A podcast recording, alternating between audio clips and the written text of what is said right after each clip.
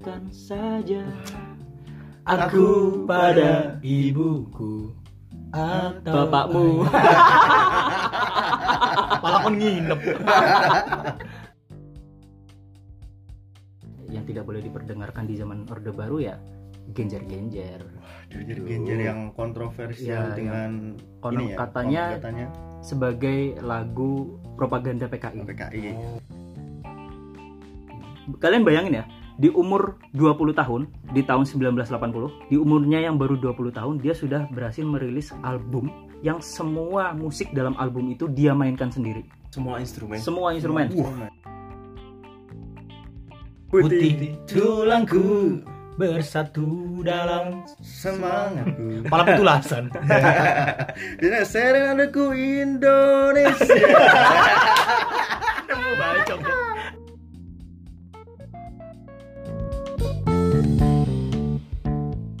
Halo Pet, Hai Jet, akhirnya kita lanjutkan episode reguler Reguler. kita. Yoi, reguler yang kesekian ya. sekian.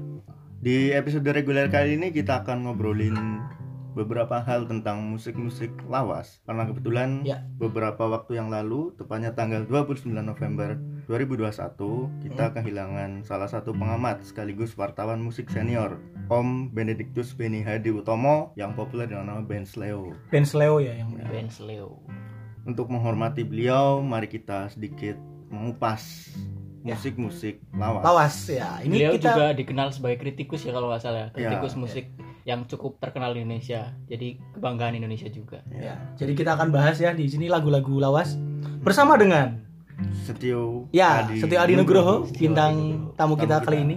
Dan dua anak magang. Tadi sudah di awal sudah kita dengar suaranya Mas Adam. Satu anak magang dan satu lagi? Adit, halo, halo. ya Mas Aditya ya. Anu anak magang yang dua kedua. anak magang yang selalu Menemani. bersama kita. Ya jadi kita mengundang Mas Setio ini karena beliau bukan beliau ya karena dirinya adalah apa namanya kebetulan Mas Setio ini teman nongkrong kita Ah. Ya, teman nongkrong. dan kita juga penikmat-penikmat lagu tua ya. ah, benar. mas-mas yang benar. yang menikmati lagu-lagu lawas Ya, Ya, dan Mas Setio ini betul, lebih betul. tahu Ah, Lebih mendalam, lebih mendalam, ya. lebih mendalam. Kita mendalam tentang musik-musik tua. Jadi kita di sini akan ngobrolin bareng sama Mas Iya. Tio tentang musik-musik yang agak sedikit Lawas. oldies, lawas. ya Betul. lawas tidak tidak tentu jelek ya Ya. karena kan biasanya lawas itu usang nah ini lawas lawas yang emas Hmm. Klasik. Old kan kelas ya? but gold. nah Nah, betul Old sekali Batu. Outbird. siap sih gimana Mas Setio gini kalau kita bicara tentang musik ya kebetulan background aku ini sebenarnya bukan dari pendidikan musik Hmm. cuma ada beberapa alasan tersendiri kenapa aku itu cukup eh, tertarik dengan musik yang Ya. pertama karena aku bisa bermain alat musik bisa itu belum tentu ahli ya ya nah Ya, kemudian yang kedua aku ini pernah dapat duit dari musik Hmm. entah itu dari bermain eh, ngamen lah Oh, iya. Oh iya terus iya iya. juga ngajarin beberapa SMP sama SMA eh, pagelaran ataupun ekstrakurikuler. Jadi aku pernah merasakan dapat rezeki dari musik. Oh. Dan yang ketiga, aku emang belakangan ini intens mengikuti perkembangan eh, musik-musik lawas Indonesia. Gitu. Hitungannya lawas sih Mas bukan dari tahun-tahun ini belakangan tapi tahun belakang banget gitu ya Belakangan banget karena aku apa ya, membikin periodisasi gitu loh. Jadi lawas ya 2000-an ke bawah. Oh, 2000-an ke bawah. 2000-an ke bawah. hitungannya sebelum inilah sebelum Sebelum apa reformasi? ah sebelum reformasi Ya mungkin karena mungkin karena kemerdekaan. ya, Ya, mungkin ya, karena ya, Mas ya, Adi ya. ini backgroundnya atau basicnya dari sejarah. Jadi Oh, bisa jadi mas-mas yang satu ini suka banget untuk mengulik sejarah. eh, mengulik sejarah. dipadukan dengan musik. Di Waduh. benar banget Hobi, tuh. sama-sama hobi. Eh, mantap sekali Ngomong-ngomong soal musik nih, kira-kira kapan nih teman-teman pertama kali dengerin lagu-lagu lawas? Atau berdasarkan pengalaman teman-teman, lagu lawas pertama yang teman-teman dengerin pertama kali itu apa? Terutama Mas Tio, Eh, kalau aku pribadi ya, pertama kali kenal dengan musik lawas itu justru bukan dari orang tua. Oh, kalau dari kebanyakan kan dari Iya, iya. Bapak ya, bukan. aku sendiri dari bapakku. kebetulan. dari bapak kan. Hmm. Nah, aku itu justru dari kakakku.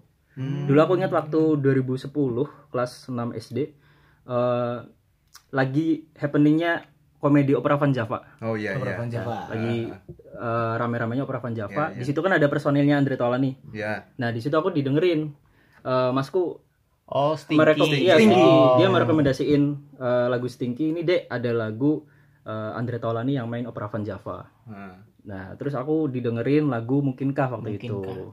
Ya karena setingki yang hits memang yang paling hits ya. Mm-mm. Hits dari hitsnya Iya, itu iya. Ya cuma mungkin mungkin sampai sekarang masih terdengar gaungnya sih. Iya, bener. Kalau Mas Adam sendiri, Kalau aku sendiri sih mungkin agak-agak menyimpang dari musik-musik Indonesia ya. Aku lebih ke musik-musik barat. Waktu itu memang zaman-zamannya Westlife. Ya, Ah, belum, belum Westlife, terlalu ya, lama benar, sih benar. Westlife. orang barat yang di barat. Betul. Iya. Oh. West Urip nang barat lah Ah, itu ya. iya. Westlife zaman-zaman itu ya itu dari kakak juga, dari anaknya Pak D Hmm. suka dengan Westlife jadi masku juga, kebetulan aku juga. Boyband Jadi boyband barat kalau ya berarti ya. kalau lagu Indonesia sendiri yang Ya, lagu pertama Indonesia. kali gitu terngiang-ngiang gitu. Indonesia mungkin lawas-lawas banget sih kayak Panceponda ah gitu. Pan- Itu Panceponda. SD, itu SD. SD SD Oh. SD SD mulai denger-denger lagu-lagu yang seperti itulah. Panceponda SD, Pak. Mantap SD. sekali. Gila, gila. Kalau Mas Adit nih, Kalau aku dulu kalau lagu Indonesia lawas itu dari ibu karena ibuku suka dengerin Vina Panduwinata. oh. Terus Kahitna gitu. Tas musiknya udah bagus. Eh iya, Nah, kalau kalau dari bapak itu lebih banyak Iwake. lagu-lagu Oh, bukan. lawas tapi dari luar kayak Oh. Aerosmith kayak gitu-gitu kan Yang band-band, ya, band yang rock lah. Ya, Roses and Gun. Gun N' Roses Oh, iya. Bapakmu itu menginfluence apa, Pet? Oh, kalau Dangdut kalau ya, aku sebenarnya ada ya sebenarnya lebih banyak influence dangdut sih. Cuma Dangdut. pas awal-awal kenal musik mungkin musik lawas terutama ya lebih dikenalin banyak ke Bruri Bruri Oh, Makantika. Oh, iya, iya, iya. Sebenarnya Iya. kita semua itu kalau ditanya eh, banyak sih. Iya, banyak jadi sih. Biasanya bapak-bapak kita itu me, apa ya me- mencekokin lah ya, mencekokin kita iya. dengan lagu-lagu lawas biasanya itu campur sari dangdut Iya, dan bener.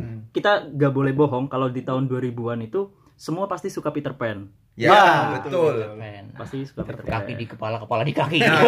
Ini nih intronya. Dong teng dong teng. Semua belajar gitar dari pakai lagu itu. Eh, iya. nyetem gitar, terutama nyetem gitar.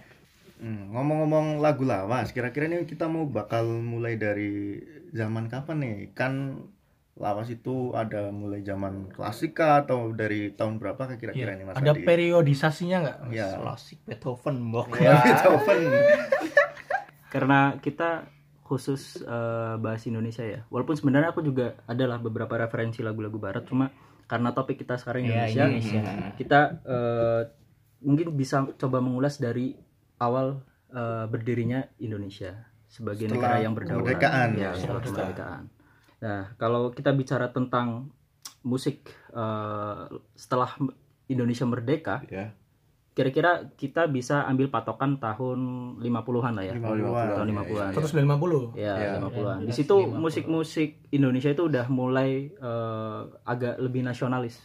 Hmm. Ada salah satu tokoh ikonik ya, Iya. eh, musisi ikonik yang namanya itu diabadikan eh, sebagai gedung kesenian di Jakarta. Oh, Oh, iya iya. ya. Hmm. Taman ini ya Ismail Ismail Marzuki. Marzuki. Ismail Nah, Marzuki. Taman Ismail Marzuki. Jadi Ismail Marzuki ini eh, bisa dikatakan sebagai maestronya musik Indonesia Hmm. di era itulah, Pionir ya. pionirnya. Pionir. banyak lagu-lagu nasionalis yang sekarang sering kita konsumsi itu Ya. berasal dari ciptaan beliau. Hmm. Ada misal Halo Halo Bandung, Oh, Ya. Bandung. Nasionalis Halo, banget. Bandung. Halo, Bandung. kemudian eh, Rayuan Pulau Kelapa, Oh ya. Tanah Airku Indonesia. Iya, Terusannya apa? Sepoi-sepoi. Kemudian ada juga eh, Gugur Bunga. Biasanya kalau Gugur Bunga ini sering di eh, play ketika G30S. Mm-mm. Ya, Ah.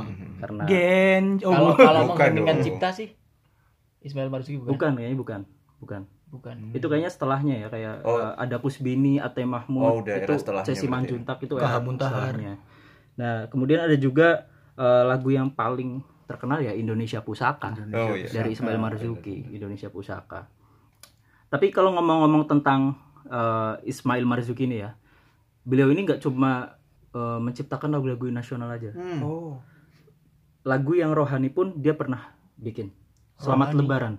Selamat Oh. Lebaran. Oh, yang pernah dibawain Gita Gigi. Gita Gutawa. Selamat Gutawa ya? Bukan, bukan Lebaran. Itu ungu ya? Ungu itu ungu. Yang- Setelah satu bulan Oh. Oh. iya. Itu cerita ceritaan beliau. bersatu Iklan padu wal.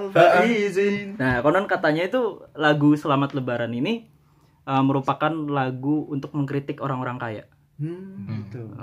Borju, Tapi kayaknya liriknya lebih panjang deh. Iya sebenarnya liriknya memang Ya lebih kan? panjang. lebih ya. panjang Ada- dari yang kita dengerin Nah, oh saat berarti ini gitu loh. sekarang udah dipersingkat ya?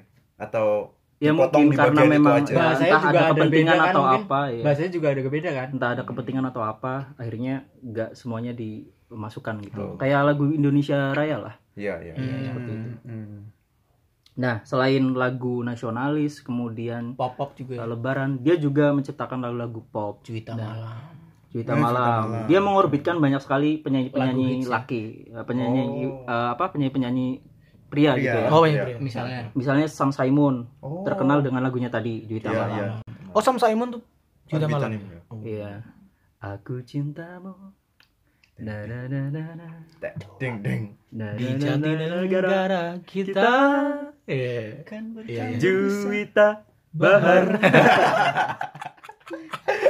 Eh balik lagi ke Iya, iya. Ismail Marzuki nih, apalagi nih Mas? Kira-kira lagu-lagu Nah, ciptaannya ada gitu. ada satu eh, penyanyi pria yang berhasil dia lahirkan Mm-mm. eh, lewat tangan dingin Ismail Marzuki ini. Iya. Dia terkenal sebagai penyanyi juga pelawak. Siapa tuh? Dia adalah Bing Slamet. Oh. Nah, Bing Slamet ini adalah ayahanda dari Adi Bing Bing Slamet. Selamat. Nah, salah satu lagu terkenal Ismail Marzuki yang dibawain sama si Bing Slamet ini adalah Payung Fantasi. Payung Fantasi. Gimana mas lagunya? Mas? Gimana ya? Lenggang mengorak, menarik hati serentak. Hey, hey, siapa dia? Iya enak enak sih enak sih. Na na na na na na na na na na na. Hey hey siapa dia? Iya, Jadi itu emang lagu lawas sebenarnya. Udah Hmm. udah diciptain lama banget. pernah jadi soundtrack juga film sebuah film ya kalau Iya. nggak salah. Hmm. Oh iya. Iya. Iya, bener. Back to 20s kalau nggak salah. Kalau nggak salah sih. Kembali lagi ke 20 Ah, tahun. ah, ah. Dan kalau ngomongin tadi ngomongin Ismail Marzuki ya, kalau ngomongin tentang Bing Slamet tadi eh, sosok yang dilahirkan oleh Ismail Marzuki ini, Bing Slamet ini juga punya lagu yang terkenal sampai sekarang, sering kita dengerin. Judulnya itu Nurlela. Nurlela. Oh, iya iya iya. iya. Hey Nurlela, sukanya berlamu. Mambo Caca. Na na na na na na na na na na na na na na na na na na na. Ah, Itu ciptaan dari Bing Slamet. Oh. Hmm, kemudian lanjut lagi nih. Tadi kan kita ngobrolin eh, dekade ke-50. 50-an. Iya iya. 50-an. Sekarang kita lanjut lagi ke dekade ke selanjutnya. Periode 60-an. Ya, kalau bicara tentang eh, musik tahun 1960-an itu syarat akan muatan politik. Waktu itu tahun 60-an kan kita masih eh, dipimpin oleh Presiden Soekarno. nah, kebetulan Presiden Soekarno ini orang yang sangat suka seni, Mm-mm. lukisan, patung. Tapi kita harus lihat dulu konteksnya di saat itu Indonesia itu lagi ada konfrontasi dengan Malaysia. Oh iya. Nah, Malaysia kebetulan ini dekat sama Inggris. Makanya Soekarno itu anti dengan Barat. Barat. Termasuk Oh, termasuk budayanya. musiknya. Ya, musik-musiknya dia eh, tidak memperkenankan musik-musik Barat, lagu-lagu Barat Diperdengarkan di diperdengarkan di Indonesia. Indonesia. Oh, gitu gitu. Oke. Gitu. Tapi memang ada positifnya juga sih. Dari situ jadi bermunculan karya-karya yang hits di tahun itu Mm-mm. di Indonesia itu sendiri. Benar-benar. Jadi akibat kebijakannya Bung Karno ini, dia Hmm. menyebutnya itu musik Barat sebagai musik Ngak-ngingok ngak-ngingok. nih. Embargo musik lah ya, ngak-ngingok. embargo Iya, iya. musik, Embargo musik. pelarangan musik. Ada ada beberapa band lah ya, band yang tidak diperkenalkan untuk didengarkan di Indonesia. Misal uh, The Beatles, kemudian Elvis Presley Oh, itu tidak di- diperbolehkan. Padahal uh, waktu itu. The Beatles lagi Naik-naik moncer-moncernya. lagi Iya. moncer-moncernya, Lagi naik-naiknya. lagi naik-naiknya. Kemudian juga kalau bicara tentang kebijakan ini, kebijakannya ngak-ngikok itu Iya, tadi, iya. ada satu band yang terkena dampaknya, band Indonesia yang terkena dampaknya, yaitu band legendaris Kus Plus. Terus, Nah, di tahun 65 mereka itu dipenjara Oh. karena ketahuan apa manggung membawakan lagu The Beatles. Oh iya. Karena karena memang eh, inspirasi mereka adalah The Beatles. ya? Iya, karena memang The Beatles, Elvis kan jadi apa ya, istilahnya primadona lah buat Iya iya. uh, para musisi-musisi dunia. Ternyata waktu itu sebegitu sakleknya ya Iya, benar. Begitu pemerintahan di waktu itu ya. Mungkin ada alasan politik nggak mas waktu itu?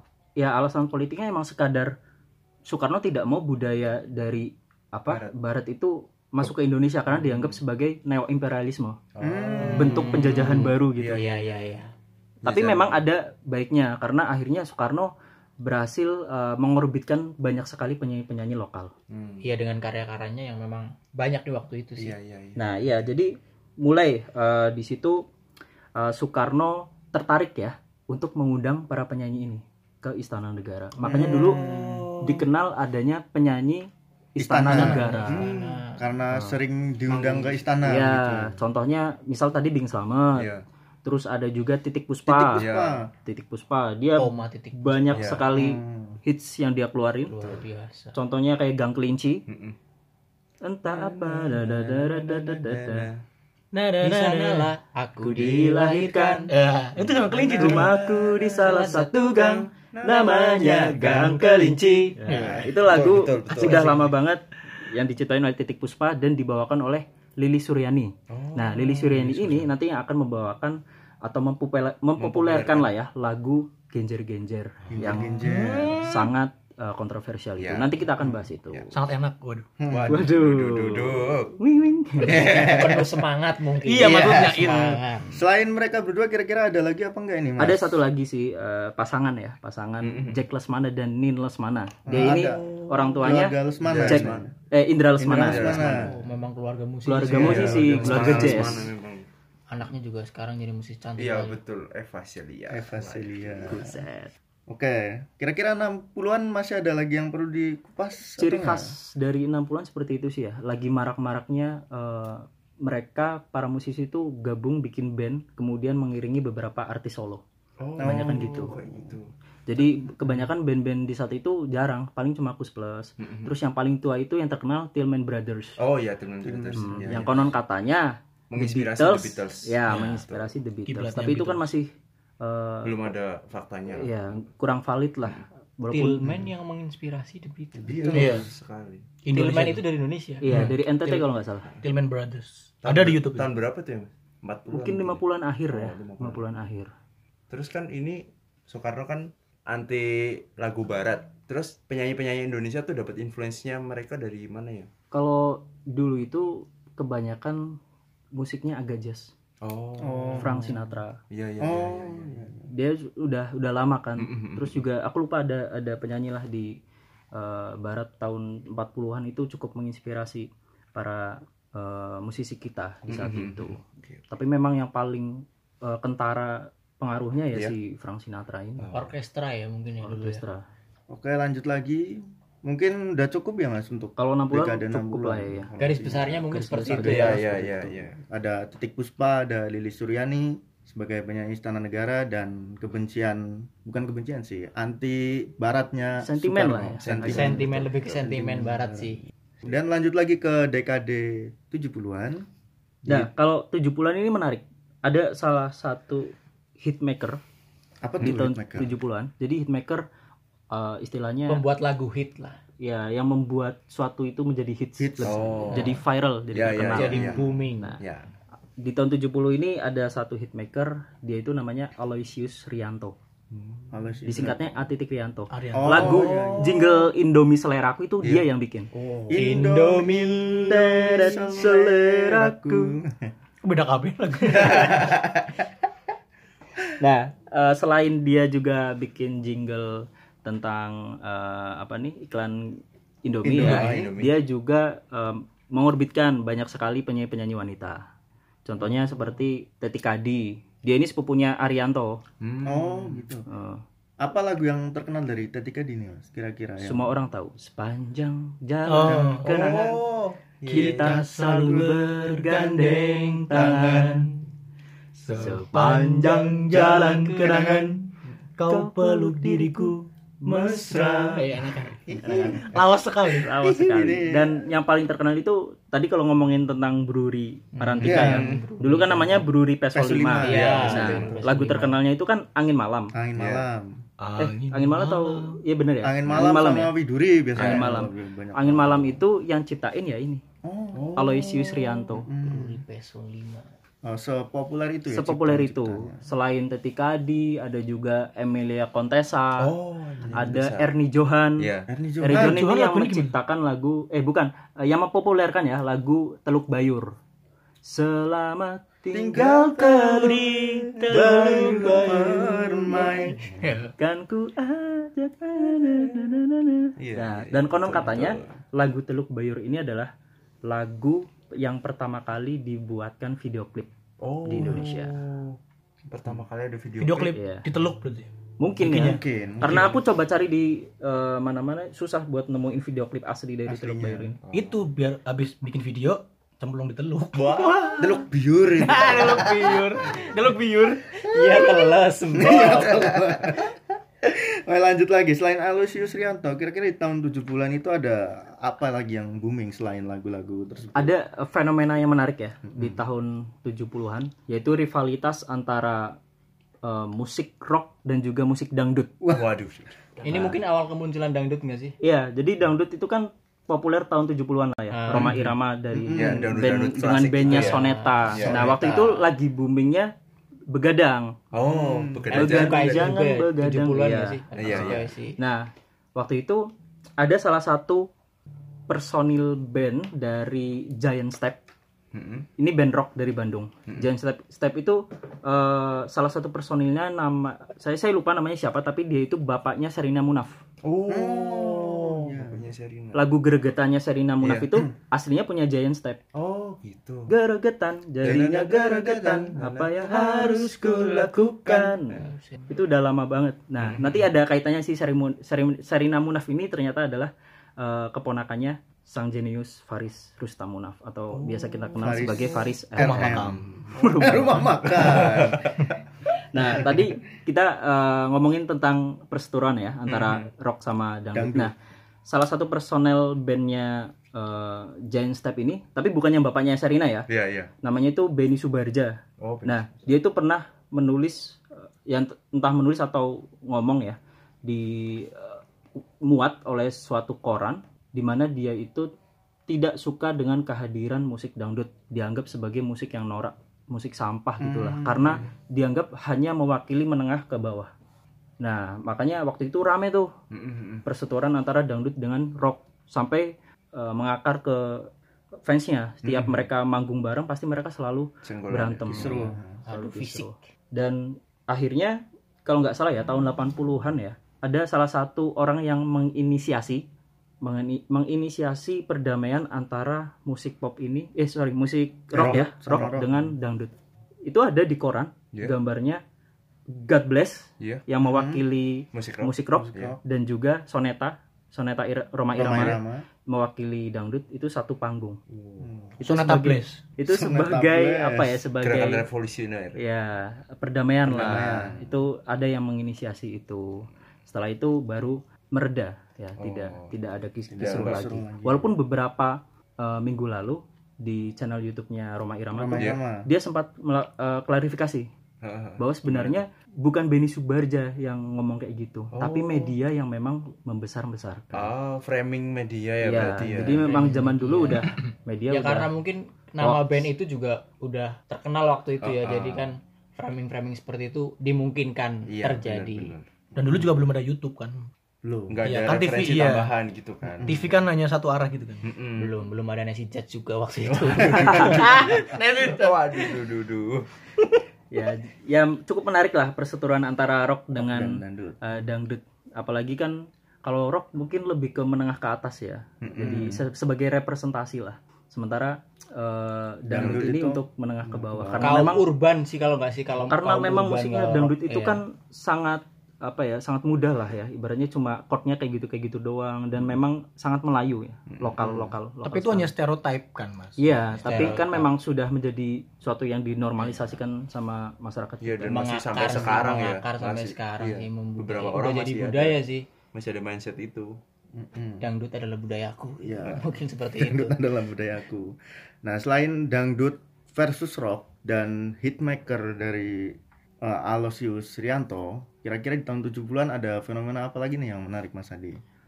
Eh, waktu itu lagi maraknya Bob Dylan Bob Dylan. di barat ya. Di barat Iya, iya, ada iya. salah satu musisi yang Iya, terkenal yaitu Bob Dylan. Dia yang memperkenalkan eh, lagu-lagu folk lah, lagu-lagu Lagu folk.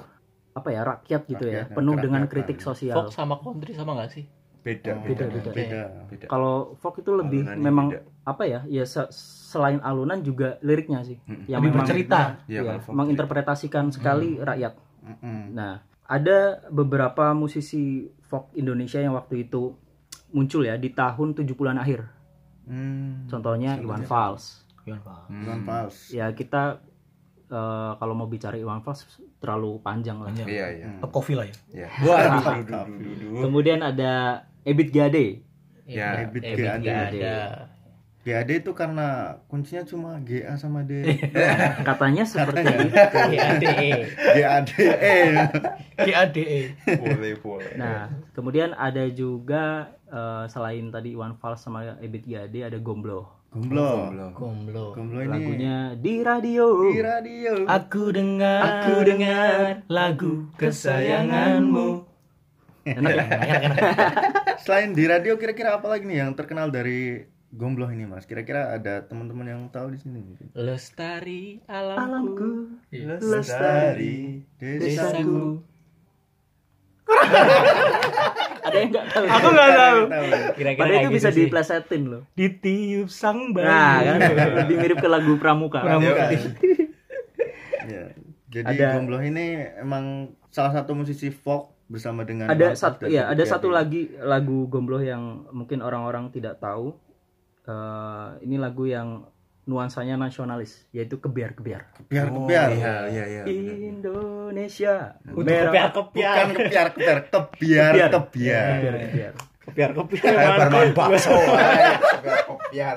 Koper Itu bermain. emang lagu nasionalis banget. Indonesia merah Darahku putih. tulangku bersatu dalam Semangatku. kepala petulasan.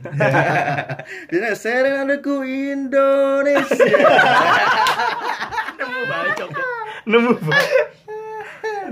Iya, oke. Tahun 70-an kira-kira ada lagi nggak Mas? dari Ada sih satu ini? satu ini ya, satu eh, musisi yang tidak boleh diluputkan dalam musik lawas Indonesia. Hmm. tahun 70-an Iya. ini.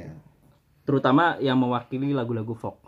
Siapa tuh? Dia itu adalah Benyamin Sueb. Oh, iya, Benyamin benar Sueb. sekali. Benyamin Sueb ini eh, sempat didaulat sebagai musisi musisi atau penyanyi ya? Penyanyi terbaik sepanjang sejarah Indonesia. Walaupun sebenarnya suaranya itu biasa aja menurut menurutku ya. Iya, cuma memang eh, legasinya. Musisi Betawi ya. musisi Betawi. Dia merupakan musisi Betawi. Lagunya banyak sekali yang hits. Ondel ondel Yuk Nyok. kita nonton ondel ondel nyok ada juga hujan gerimis Eh, hujan gerimis aja. Ikan bawal diasinin. eh jangan menang Menangis aja. Kalau nangis entar diasinin.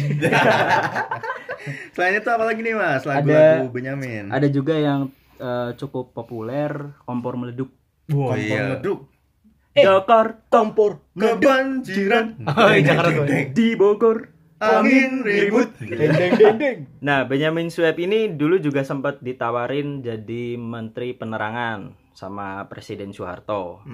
Cuma eh, Benyamin Sueb menolak karena dia takut terlibat korupsi nantinya. Oh, emang dari sejak dalam pikiran sudah bersih gitu. ya. Iya. Kalau kalian kurang tahu Benyamin Sueb ya bapaknya Sidul. Nah, betul sekali. Bapaknya Sidul. Bapaknya Sidul. Ya, Bapaknya Sidul. Sidul. Mm-mm. Kalau tujuh bulan udah habis nih mas ya kira-kira di tujuh bulan akhir ada Benyamin Sueb tadi kan untuk tahun 80-an awal atau tahun 80-an dekade tahun 80-an kira-kira ada apa lagi? Kalau 80-an ini aku menilainya itu eh, sebagai masa transisi antara Transisi. musik yang sendu Iya. Hmm? dengan musik yang agak lebih danceable. Oh, lebih semangat gitu ya. Hip Upbeat, hop, upbeat gitu ya, ya. Oh, oke. model-model gitu. Nah, waktu itu lagi boomingnya city pop Jepang. Mm-mm. Nah, ini uh, saya kasih tahu dulu ya. City Ya, pop ya. Jepang itu adalah sebuah genre yang lahir tahun 70-an akhir di Jepang Heeh, heeh. sebagai uh, representasi masyarakat urban perkotaan Jepang. Oh. Jadi penuh gemerlap, diskotik, Iya, iya, terus klub malam. Heeh. Nah, oleh beberapa musisi Indonesia eh, kayak misal Faris Rustamunaf tadi, Iya, Faris Faris RM. Chandra Darusman, Iya. terus Dian Pramana Putra, itu diadopsi musik city pop dihadirkan di Indonesia. Karena memang waktu itu Faris RM mengatakan bahwa kenapa kita lagunya sendu-sendu mulu ya? Kenapa nggak coba Lagu bikin yang lagu lebih yang happy, lebih beat happy, happy, ya. lebih Funky. Nah, bisa dikatakan ya city pop ini sebagai musik alternatif lah Hmm. di masa itu. Contoh lagu city pop Jepang yang eh, kemarin itu sempat viral ya di TikTok eh, punya Miki Matsubara kalau nggak salah. Judulnya Stay, With Me. Stay with me. Dan dan dan dan dan dan- tataki. dan- Ngomong-ngomong Faris RM nih Mas, kira-kira karya-karyanya yang melegenda apa lagi nih? Nah, ini ya kalau saya ditanya tentang siapa musisi favorit Indonesia, terutama yang lawas, saya akan menunjuk tiga nama.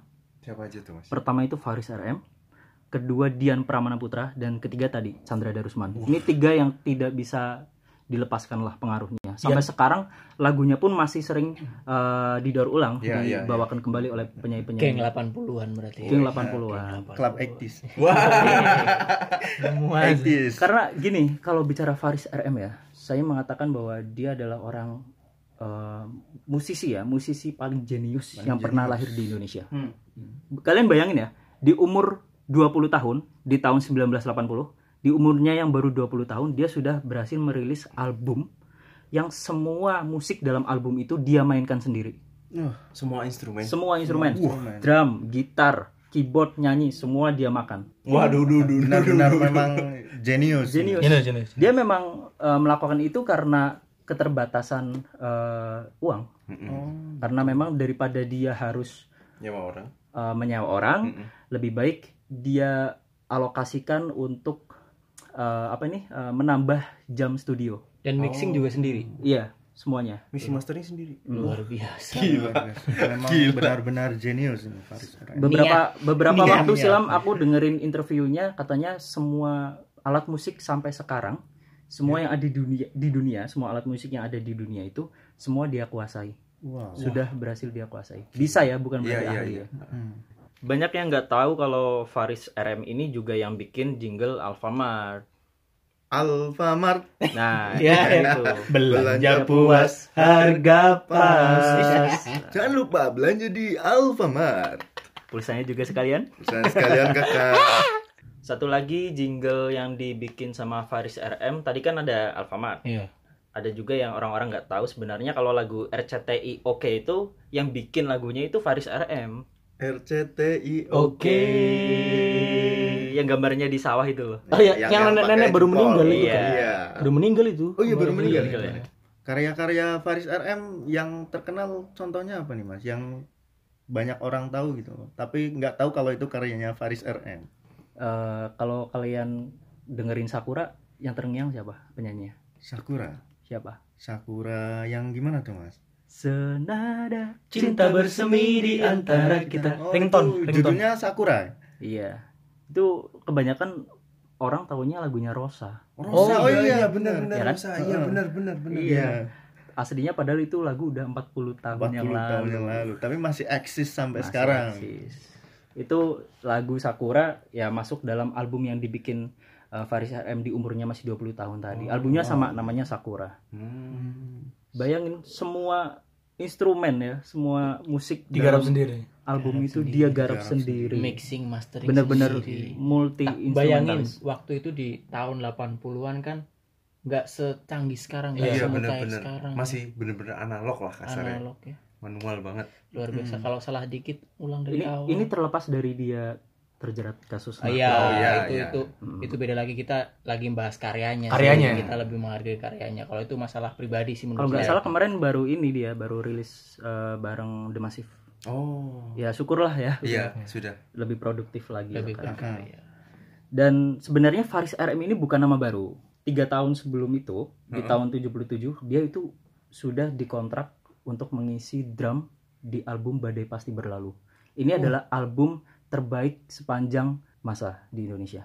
Badai pasti berlalu itu yang pertama kali dinyanyiin sama Krisya bukan? Ya, Chris eh, lagunya seperti cinta akan ku Nah, Oh, Kalau nggak salah itu ya. iya, iya, itu iya. termasuk Itu lagu dalam di dalam album. Badai Pasti Berlalu. Itu tahun Badai 77. Pasti berlalu gitu. Iya, Ya, badai betul. pasti berlalu. Nah, kalau bicara tentang eh, badai pasti berlalu, kita juga tidak boleh mengesampingkan siapa itu sosok Yoki Suryo Prayogo.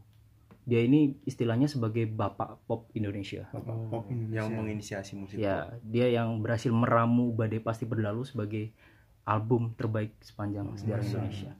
dan itu posisi umur Faris RM berarti masih 17 tahun ya? Iya masih 17, 17 dia masih kelas 3 SMA dan memang sekolahnya itu terkenal melahirkan banyak musisi oh gitu selain Faris RM ada Adi MS Oh. aku lupa SMA berapa gitu ya Adi SMA 2 apa MS. 3 Jakarta Oh, gitu. seumurannya di MS itu ya? Iya, Adi MS terus Ikang Fauzi. ya Pop si pop pop Preman, preman.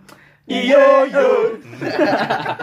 pop skip pop metropolitan. Kalau itu lagu preman sebenarnya nggak boleh loh di Oh iya, dengerin dilarang, waktu dilarang. masa Orde Baru. iya betul Karena memang preman kan agak apa ya? Sensitif ya, ya, sensitif sensitif di masa padahal. itu. masih tabu ya Tapi Ikang Fauzi ketika eh, membawakan preman itu dia hanya di beberapa panggung yang memang Aman. tidak ada stasiun televisinya gitu lah. Oh. Artinya panggung-panggung biasa. Panggung panggung off air ya? tertutup mungkin ya. Ah. Diganti apa?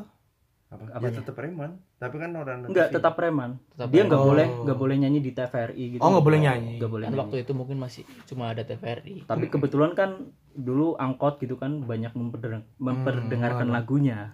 Nah, tadi kalau bicara tentang Krisya Yoki kan tadi bahas tentang geng ya, geng 80-an. Club Actis. Ada satu musisi juga namanya eh, Guru Soekarno Putra. wah mas guru Mas, Mas Guru, dia Soekarno ini Putra ini. putra bungsunya Bung Karno dan juga Fatmawati. Oh. Nah, dia yang menciptakan juga banyak sekali hits populer sampai sekarang Ya. sering kita dengar. Contohnya Kala Cinta Menggoda Mm-mm. yang dibawakan kembali oleh Noah. Maka izinkanlah Lah aku mencintaimu. waktu itu Krisya ya juga hitsnya. Ya, Iya, Krisya. oh iya. Kebanyakan lagunya Guru itu memang Dibawakan Krisya. dibawakan oleh Krisya. Selain Kala Cinta Menggoda, ada juga Anak Jalanan. anak Anak Jalanan, Kurban Metropolitan. Ya, Kurban Metropolitan. Ding, ding. Ini yang kalau nggak salah dinyanyiin lagi sama Sandi, Sandi Sandoro. Sandi ya Sandoro. benar benar benar Bukan Sandi Kanester ya? waduh beda lagi dong itu Bukan Sandi Purnama juga. Terus ya. juga ada lagu yang diciptain Guru itu eh, Galih dan Ratna. Galih dan Ratna. Kan terkenalnya karena The Cinnamons, padahal Iya. sebenarnya lagunya Krisyo yang diciptain. Kali darat. Nah, itu juga Soekarno ada Putra. filmnya juga ya. Ada filmnya Iya. ju- juga. Kalau Lagunya nggak salah bintang filmnya waktu itu Rano Karno. Kalau nggak salah ya. Rano Karno. Mm-mm. Rano Karno. Rano Karno yang Sidul. Dul, Sidul. Iya, iya, Sidul. Hmm. Ngomong-ngomong soal Krisye dan lain-lain itu kan genrenya pop ya. Pop Mm-mm. atau city pop yang waktu itu lagi hype-hype-nya. Iya, iya. Kira-kira ada apa lagi selain gen- genre dari pop atau city pop ini sendiri, Mas? Di tahun 80-an. Di tahun 80-an itu eh, musiknya memang cukup kompleks ya. ada juga eh, selain city pop muncul juga eh, pop yang kalau orang-orang itu mengatakannya pop cengeng, Pop cengeng. pop menye-menye. Kenapa? Karena memang lagunya itu sendu sekali. Oh, Akordnya itu- galau, galau, ya. Akordnya kalau Cinta-cintaan. bagi, bagi apa nih bagi eh, musisi eh, pengamen gitulah ya Iya, iya. yang biasa main kalau suruh eh, mengaransemen lagu yang cengeng-cengeng ini gampang banget. Sederhana memang lagunya. Hmm. Makanya waktu itu eh, Menteri Penerangan di zamannya Pak Soeharto, Mm-mm. namanya Pak Harmoko, dia Iya. itu melarang lagu-lagu yang cengeng seperti ini untuk didengarkan. Karena apa? Karena dianggap akan menghambat pembangunan negara. Oh, gitu. karena Ada karena korelasi. terlalu sederhana itu. Iya, korelasinya nggak me- politik banget. Tidak apa ya, tidak menumbuhkan semangat. Semangat. Iya, gitu. iya, iya. Ada korelasinya ya? Ya, Karena Mungkin menyanyi harus diberangkan lagu-lagu nasional. Waduh. Ya kalau bicara tentang pop menye-menye kita kenal ada Rinto Haraha, Oh, iya. kemudian ada juga Obi Mesa. Ya. Mesa. Kisah kasih Di sekolah dengan si dia. Eh, Itu dinyanyikan Chris ya kan? Iya ya, iya iya. Iya, iya, iya, benar. iya, hitsnya juga. Krisya. Kemudian ada juga Pance Pondah tadi. Ini termasuk juga pop menye-menye. Kapan lagi Kita dan Terus berterus terang. kapan? Kapan? kapan kapan Kapan. Oh, ya, selain pop menye-menye kira-kira apa lagi nih yang Mas yang Ini kalau yang booming itu? ya kalau kita tidak boleh mengkerdilkan ya pop menye-menye. Bagaimanapun iya, iya. musik mereka juga sampai sekarang masih sering kita dengar, terutama bapak-bapak kan. Iya. Iya. Masih nempel banget di telinga Masih tuh masih nempel banget. banget. Ya, menye-menyenya di sini bukan menye-menye yang itu karena dulu dilarang karena memang tidak menumbuhkan semangat aja gitu. Iya. Bukan Iya, jelek gitu. Bukan jelek, Karena bukan jelek. sendu. Karena sendu. Toh juga yang city pop mereka tidak terlalu apa ya bersih tegang lah nggak seperti yang dekade Rock sebelumnya antara rock gitu ya. dengan dangdut Nah, beberapa penyanyi yang terkenal ya misal Diana Nasution Mm-mm. eh, dia ini ibunya Elo Oh, Elo. Elo. Marcelo Tahitu.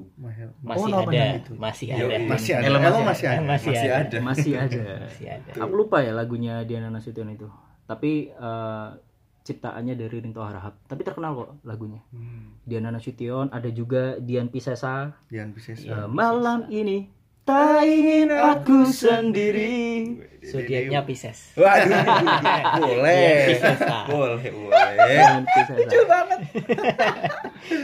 ada juga Nia Danianti gelas gelas Nia. Na, Farhad na, na, Abbas. Iya. yang sedang Oh yang kontroversial anaknya sekarang. Nia Danianti kan? Iya, yang PNS PNS itu. Iya, terkena kasus ya. Hmm, Mm-mm. Farhad Abbas. Terus kalau bicara tentang lagu menye-menye ya pulangkan saja Aku pada ibuku atau bapakmu. Malah kon nginep. Itu lagu siapa mas? Betaria Sonata. Oh iya, Betaria Sonata. Fitria Sonata. Iya, Yang Betaria. disamakan dengan burung. Bagai burung di sana. yang dijual orang. Oh iya. Aduh, uwo uwo. Di pulangan saja itu kan? Iya, betul. Terus juga selain mereka ada juga Ratih Purwasi. Ratih Purwasi. Lagunya Yang kayak apa eh, yang Hujan Turun lagi angkat jemuran. Itu yang PMR itu. Oh iya. Itu yang PMR. PMR bukan pramuka ya. lucu lucu lucu. Kalau tadi bicara tentang pop menye kan banyak ya yang lagu-lagunya dilarang oleh Pak Harmoko. Mm-mm. Ada juga beberapa lagu yang memang tidak boleh diperdengarkan di zamannya eh, Pak Soeharto ini Iya, iya. di apa eh, rezim Orde Baru. Heeh. Eh, Selain lagu yang cengeng, juga lagu yang bernuansa Kritik sosial. kritik sosial. Contoh seperti One Fall. One Fall, iya. Kemudian Bimbo juga pernah Oh, membuat Bimbo, lagu iya, Tante Bimbo. Sun. Oh Tante iya, Sun itu iya, iya. Konon katanya Menggambarkan. ya menggambarkan ini ibu ibu, negara ibu tin Ibu ibu Tin. tin selain itu yang berbau Soekarnois juga tidak diperbolehkan diperdengarkan Yang kayak apa tuh, Mas? ada satu lagu eh, milik eh, Soekarno dia menciptakan lagu Iya, judulnya iya. bersukaria Oh, mari kita bergembira Sukaria bersama. Oh iya iya. na na na na na na na na na na na na na na. Itu lagu diciptakan oleh Bung Karno. Hmm. saking uh, senimannya Bung Karno. Hmm. dan itu tidak diperbolehkan karena memang uh, di masa Orde Baru yang berbau Soekarnois agak di apa ya disingkirkan lah. Hmm. seperti itu. dan pelarangan-pelarangan itu. Ya.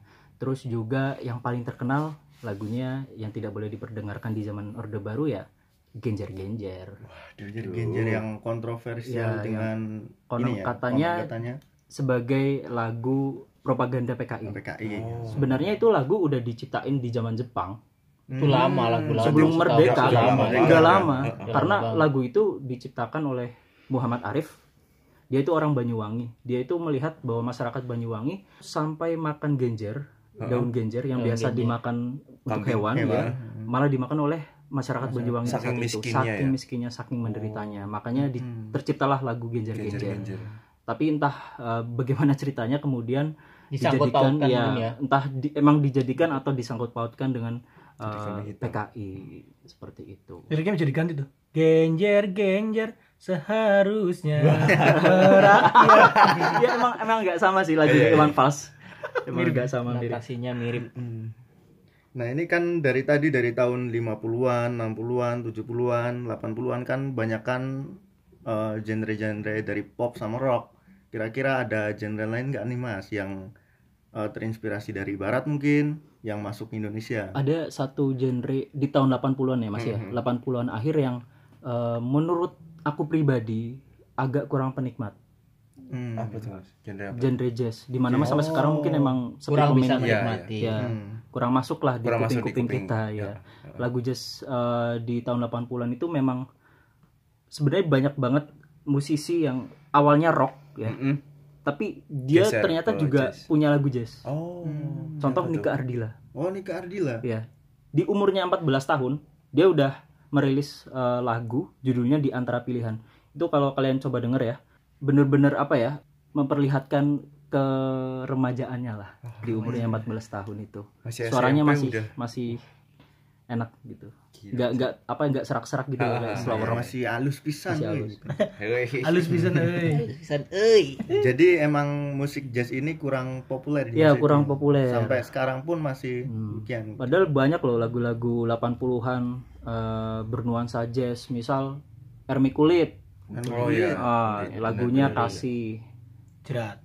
Eh bukan. sesal. Sal. Ada sesal kasih, terus agak ada juga Iga Mawarni. Oh, Jama Warni. Ada kulit, ada iga. Iya, Aduh, nama baik. namanya organ semua. Kalau aku ditanya ya eh, musisi penyanyi ya, penyanyi wanita favorit yang pertama udah pasti Vina Panduwinata. Yang Nah, kedua ini Iga Mawarni. Dia itu ngomong aja enak. Udah merdu Apalagi ya, udah nyanyi. merdu. gitu. Ya udah cobalah eh, para pendengar di sini untuk menikmati suaranya Iga merdu. Kalau bingung mungkin bisa tanya bapak ibu teman-teman masing-masing. Iya. Pasti tahu. Tapi di Wiyul ada beberapa loh mas lagunya kayak Dewi Yul gitu. yang terken eh, dia lebih ke city pop ya, tapi ternyata Oh itu iya. ada jazznya juga ya. Sama sih Oh. seperti Nika Ardila. Nika Ardila. Dan Na- Nike Ardila. salah satu lagu jazz terkenal eh, di masa itu aku ini punya siapa? Yang gimana tuh? Mas? Aku ini punya, siapa? Na na na na na na na na na na. Oh. Aduh aduh Bisa gila punya pacar berhati dua. Nah, Aku ini punya siapa? Kuputuskan saja tali cintanya. ya penyanyinya Januari Christie. Oh iya. Nah, Januari Christie ini juga udah wafat beberapa tahun silam. Iya, betul. Itu lagu diciptakan oleh Dian Pramana Putra. Oh Dian PP. Nah, nanti kita Geng 80-an akan bahas tentang beberapa lagu Dian PP. yang apa ya, istilahnya recycle lah ya. Nanti Ah. kita akan bahas itu.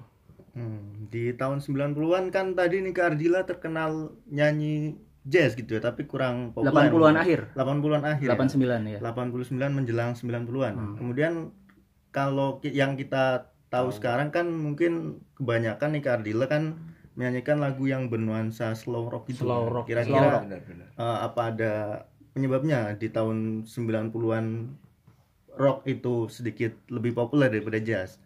Eh, di masa itu di tahun 90-an awal ya banyak bermunculan lagu-lagu yang agak metal Hmm, metal memang lagi rock, tumbuh ya. iya. terutama grunge Grunge. Oh iya keren. Eh, dipopulerkan sama Nirvana Mm-mm. dan juga Pearl Jam Oh iya. nah makanya Benar, band benar, benar. eh, dua band ini nanti akan menginfluence beberapa band eh, Indonesia di tahun 2000-an kayak Peter Pan, Peter Pan. Hmm. Ungu, The Iya, Massive mereka eh, terinspirasi dari musik-musik grunge ini nah ada juga kalau tadi bicara tentang rock ya Iya. Hmm. kan tahun 90-an awal itu banyak sekali penyanyi-penyanyi wanita yang slow rock Slow lagunya slow Hmm.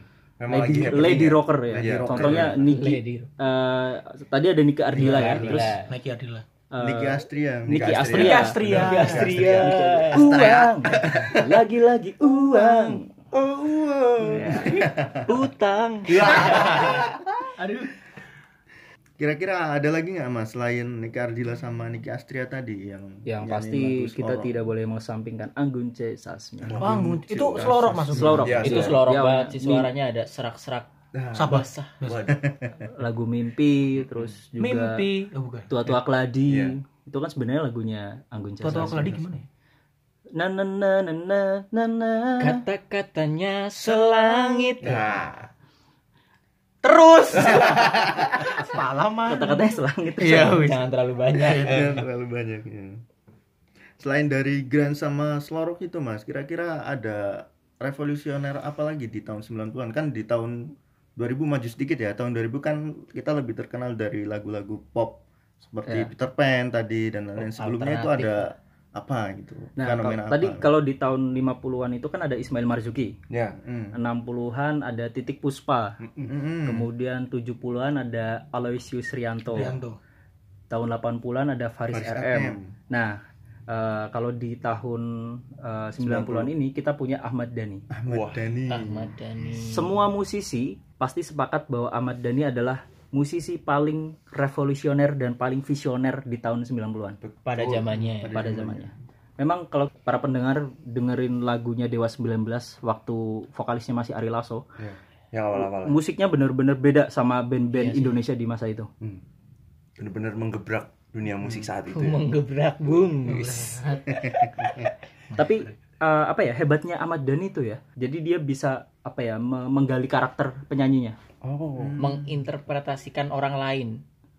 Kalau misal kita dengerin Dewa 19, kemudian kita dengerin lagunya Reza Artamevia, Ya, ya. pasti di pikiran kita itu ter- terbayangnya ini pen- penciptanya beda gitu. Padahal sebenarnya Ahmad Dhani semua yang Ahmad menciptakan. Dhani semua Oh iya. Beda banget genre antara Dewa 19 sama Reza Iya, Artamevia. iya, iya. Sesuai karakter penyanyi Hebatnya musisi, hebatnya musisi itu di situ. Dia bisa mempalsukan lah identitasnya. Ini bukan lagunya, bukan lagunya dia gitu. Padahal sebenarnya lagunya dia. Hebat. Hmm. Itu betapa revolusionernya Ahmad, Ahmad Dhani. Dhani. Sayangnya di tahun 2000-an menurut aku pribadi Ahmad Dhani selera musiknya turun. Karena ya bayangin ya seorang Ahmad Dhani bikin lagu Munajat Cinta. Terus Waktu itu mungkin karena mengikuti selera ya pasar. mengikuti benar, selera pasar. Lagi-lagi uang. Ya. seperti itu. Kira-kira seperti itu. punchline lagi-lagi uang. Ya, Sudah lagi-lagi uang. kebutuhan mendesak ya kan. Cicilan-cicilan. Cicilan Nah, banyak, anak udah tiga. Nah, gitu. Sudah Pengen tidak bisa tambah lagi. idealis. Iya. Tapi hebat lah Ahmad Dhani ya patutlah disejajarkan dengan musisi-musisi beken eh, dunia bahkan mungkin Salah ya. satu musisi jenius sih menurut gue Iya, iya, iya. Dia juga sangat Indonesia. eh, pemerhati sekali ya piringan hitam. Dia banyak koleksi piringan hitam, vinil. eh, Dan terus dia juga kaset. kayak ensiklopedia manusia itu loh. Iya, benar. Dia tahu banyak Semua hal musik tentang tahu musik. lah. Iya, dia tahu tentang musik. Luar biasa perpustakaan memang. berjalan dia kalau urusan musik. Karena udah dari kecil sih kayaknya dari SMA. Ya dia iya. suka Queen dulu. Katanya 8 tahun udah dicokokin sama Queen. Nah, kita 8 tahun main comberan. Hmm, Oke lanjut lagi karena tadi lagi-lagi uang. Kira-kira lagu-lagu lawas ada lagi yang direproduksi atau di recycle kembali nggak nih mas? lagi-lagi uang ya. Ya lagi-lagi karena ya Banyak- mungkin bukan banyak. kepentingan uang. Ya banyak sekali eh, lagu-lagu yang eh, apa ya didaur ulang ya. Lagu-lagu lawas yang didaur ulang. Hitmaker lawas biasanya Iya. sih. Ada satu lagu nasional contohnya, Ibu Pertiwi. Kulihat Ibu Pertiwi. Itu Iya, sebenarnya lagu gereja Oh iya Lagu benar. gereja. di tahun 1850-an. Iya. 1850. Iya. Udah ada lagu itu. Udah ada lagu itu. Cuma beda lirik mas Beda lirik, beda lirik. Karena emang emang kalau dari lagu gereja itu kebanyakan yang buat lagunya itu dari komposer-komposer negara Skandinavia. Hmm, Dan Eropa terus- Utara ya. Iya, terus habis itu diadaptasi ke bahasa Indonesia. Indonesia berarti dulu kulihat ibu gereja bukan Bukan, Oh, bukan. Dan iringannya orkestra juga ya Iya, kalau benar, Skandinavia. Lagu Banyak- Ibu. Pertiwi itu di recycle sama siapa mas? Ya Di- jadi lagu nasional. Oh lagu Ah, nasional. Lagu nasional. Ada lagi lagunya Madu Tiga Ahmad Dhani. Ahmad itu sebenarnya lagu Malaysia tahun 60-an. Malaysia. Hmm. Senangnya dalam Kempol. Ada Madu Tiga. Banyak sih lagu-lagu recycle uh, recycle. ya. Tadi bicara Dian Pramana Putra juga lagunya uh, yang terkenal itu Kau Seputih Melati. Kau bunga di tamanku. Itu kan terkenalnya karena siapa? Semi Simorangkir ya. Semi Iya, Semi benar. Iya, Simorangkir. Benar, sebenarnya benar. lagunya Dian Pramana Putra. Hmm, di recycle lagi. Mm, ada juga biru tiada pernah Aku. aku bahagia. Terkenalnya lagunya Vina, Vina, tapi Iya, sebenarnya benar. yang bikin itu Dian Pramana Putra. tapi emang lagu-lagunya Vina tuh diciptakan oleh banyak musisi ya mas ya, jadi lagu-lagu Vina, Vina kan sekadar menyanyikan. Yang Hmm. mempopulerkan ya. Yang meramunya Adi MS, Hmm. tapi yang menciptakan banyak sekali. komposernya ada Dodo MS. Zakaria, ada Guru Soekarno Putra, Odi Mm-mm. Odi Agam. Oh, Iya, iya. sama Dian Pepe tadi itu Dian Pepe juga, Faris RM pun juga. Jadi memang di tahun 80-an tadi aku bisa katakan bahwa tahun 80-an itu adalah jaya-jaya musik kita. Hmm. Banyak musisi saling berkolaborasi. mereka membuat lagunya dipasin sama Vinanya itu loh yang Iya, iya. yang respect gitu enak aja Yang sesuai sama iya sesuai sama Vina Vina Panduwinata. Ke- mungkin kebetulan. oh iya Mungkin kebetulan. Atau mungkin Vinanya yang terlalu jago. Wah, bisa jadi. bisa terlalu kukuluyuk Wah.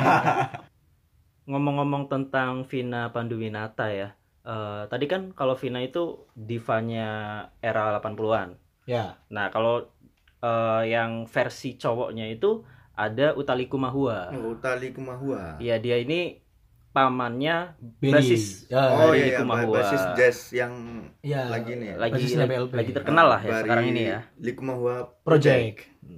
Eh, lagunya itu dari Utali Kumahua yang paling terkenal ya. Ada Esok kan masih ada. Esokan. Masih ada. Oh, yang gimana itu, Mas? Awalnya yang wajahmu ku pandang dengan gemas. Mengapa air mata selalu ada di pipimu? Hai nona manis, biarkanlah bumi berputar Berputar. menurut kehendak yang kuasa. Enak itu, enak. Enak. Dia ini penyanyi cowok favoritku. Kira-kira ada lagi nggak nih Mas yang di recycle Pernah lagi? denger lagu ini nggak? Eh, Selamat tinggal kasih sampai kita jumpa lagi. Tahu Taunya lagu siapa? Elo ya. Iya, Elo. Padahal itu sebenarnya lagunya Bob Tutupoli. Oh, tutup poli, tutup. Wah.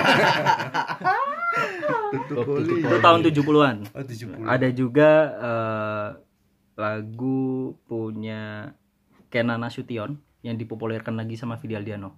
Tiada yang Oh, no, Hebat. Yang mempesona. Itu kira lagunya Vidi emang pertamanya. Kayak Iya, udah Vidi iya, banget gitu. emang Iya, Vidi iya, banget. banget. Padahal sebenarnya itu lagu punya ini, punya Kenan Nasution. Kenan Nasution. Itu gengnya tadi, Guru Soekarno Putra, Wah. Faris RM. Lap aktis itu tadi. Rapidis. Terus juga ada eh, lagunya siapa ya? Punya Melky Guslow. Melky Guslow ini Melki Bap- Guslo atau bapaknya- Meli? Melky, Melky, Melky, bapaknya Melly bapaknya Guslow. Guslow. Dia juga penyanyi tahun 70-an. Aku lupa lagunya. eh, tapi emang sempat di recycle ulang sama musisi sekarang. Oh, gitu. Melki Guslo. Oh, kebalik. Ternyata yang pergi untuk kembali itu dinyanyiin lagi sama ini, sama Melky Guslow. Oh. Sementara yang Bub Tutopoli itu simfoni yang indah. Oh, Oh iya. yang dinyanyiin sama Once. Once ya. Once. Nah, Once. Once, once dong, once. Once ya. banyak banget sih lagu-lagu lawas. Ya tadi Sakura juga kan. Mm-mm. Pada Nyanyiin tahunnya sama Rosa, ternyata Faris RM. Ini yang dinyanyiin sama itu. Yang baru-baru ini siapa namanya? Siapa sih? Yang nyanyi gajah siapa? Tulus. Ya, yang dinyanyiin tulus tuh lagunya siapa? ini lagu eh, yang seribu apa? Seribu, Seribu tahun tahun. Seribu namanya. tahun namanya. Seribu itu tahun. lagunya Jikustik aslinya. Oh iya benar benar Jigustik. Lagunya Jigustik juga eh, pernah di remake kalau teman-teman dengerin sama Enda Endresa yang puisi. Dari kan dari si ini adalah yang I- aku i- pernah denger itu Oh, Nah, awalnya punya siapa? Itu. Jigustik. Punya Oh iya, iya punya Jikustik. Jikustik itu 90-an ya? 90-an. 90-an akhir. 90-an sampai Terus 2000 awal. ini Gigi lagunya yang akhirnya yang religi. Oh ku sadari Oh, iya, iya, akhirnya iya. itu Itu lagu 80-an Aslinya punya yang ciptain Deddy Dukun temen Oh. SMA-nya Faris RM, Adi MS. Emang sekolahnya gokil-gokil berarti ya. Gokil. Bukan SMA 1. Wah, Wah, Waduh. bukan dong. Itu lagunya gimana sih? Oh Tuhan, mohon ampun atas dosa dan dosa. Hidayah. Itu yang nyanyi dulu Odi Agam. Oh, dia. Beberapa minggu lalu beliau telah berpulang. Hmm, lanjut lagi, kira-kira masih ada lagi nggak nih mas yang perlu dibahas lagi, terutama lagu-lagu yang recycle ini? Madu dan racun. Madu dan racun. Madu di, Di tangan tangan kananmu. Racun di R A R C U N. Itu lagu 80-an aslinya. Punya Bill and Broad yang dibawain ulang sama ini Jiroknya. Jirox. Terus lagu tadi Gregetan juga punya Sherina Sherina Munaf. Geregetan. Aku geregetan. Yang lagi ini terkenal apa tuh? Pemuda punya Hi-Fi. Pemuda, ke mana langkahmu menuju? Bersatu lah semua seperti dahulu. Itu tahun 70-an sebenarnya. Hmm. Lagunya Casairo, bandnya Chandra Darusman. Oh, oh dulu Chandra Darusman. Iya, dia main band dulu Chandra Darusman. Itu.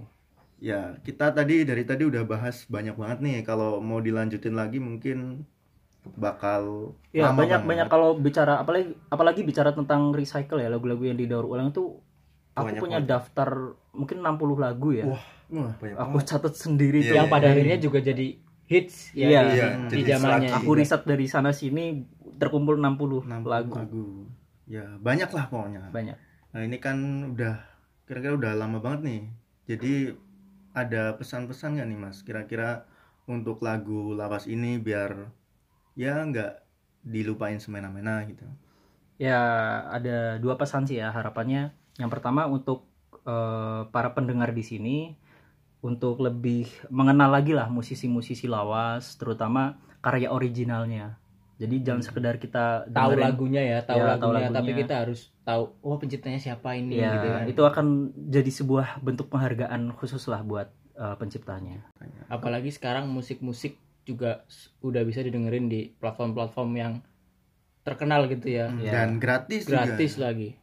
Nah, kemudian juga kalau tadi untuk para pendengar, saya juga berharap untuk terkhusus penikmat musik agar eh, tidak membeda-bedakan genre, Mengkotak-kotakan. mengkotak-kotakan, jangan saling apa ya eh, menghakimi lah ya Mm-mm. bahwa genre yang saya sukai ini lebih bagus dari genre kalian gitu. Jangan seperti itu karena bagaimanapun itu kan semua karya eh, yang tercipta dari ide musisi beken lah ya, musisi ternama. Entah itu pop, dangdut, eh, rock, metal, sekalipun keroncong, cobalah untuk mendengarkan semua genre musik gitu. Ya, mungkin cukup Mas Adi atau ada lagi yang masih menarik untuk diperbincangkan dari musik-musik lawas? Mungkin cukup ya, udah satu jam juga. Ya, Kalau mungkin. mau bicara musik ya bisalah nanti sambil kita nyanyi-nyanyi atau Ya, di atau luar podcast inilah ya. atau mungkin kapan-kapan kita lanjut ke part 2-nya. Ya boleh. Kalau tadi bicara tentang musik Indonesia, nanti mungkin kita bisa bicara tentang musik musik barat. luar negeri ya. Oh, atau bisa di tahun 2000 ke atas. Ini kan tadi Ah, kita boleh berhenti di juga. tahun 2000-an gitu ya. Ya, Ya, mungkin cukup Enak sekali bernyanyi. sampai lupa waktu. Iya. bener-bener nostalgia ya. Terima Iya. kasih juga telah mengundang. Terima kasih. Ya, Mas-mas dua magang ini juga terima kasih. Saya berterima kasih. Jadi tambah ilmu di sini. Oke, kita tutup. Night to meet you, Pat. Night to meet you, Jet.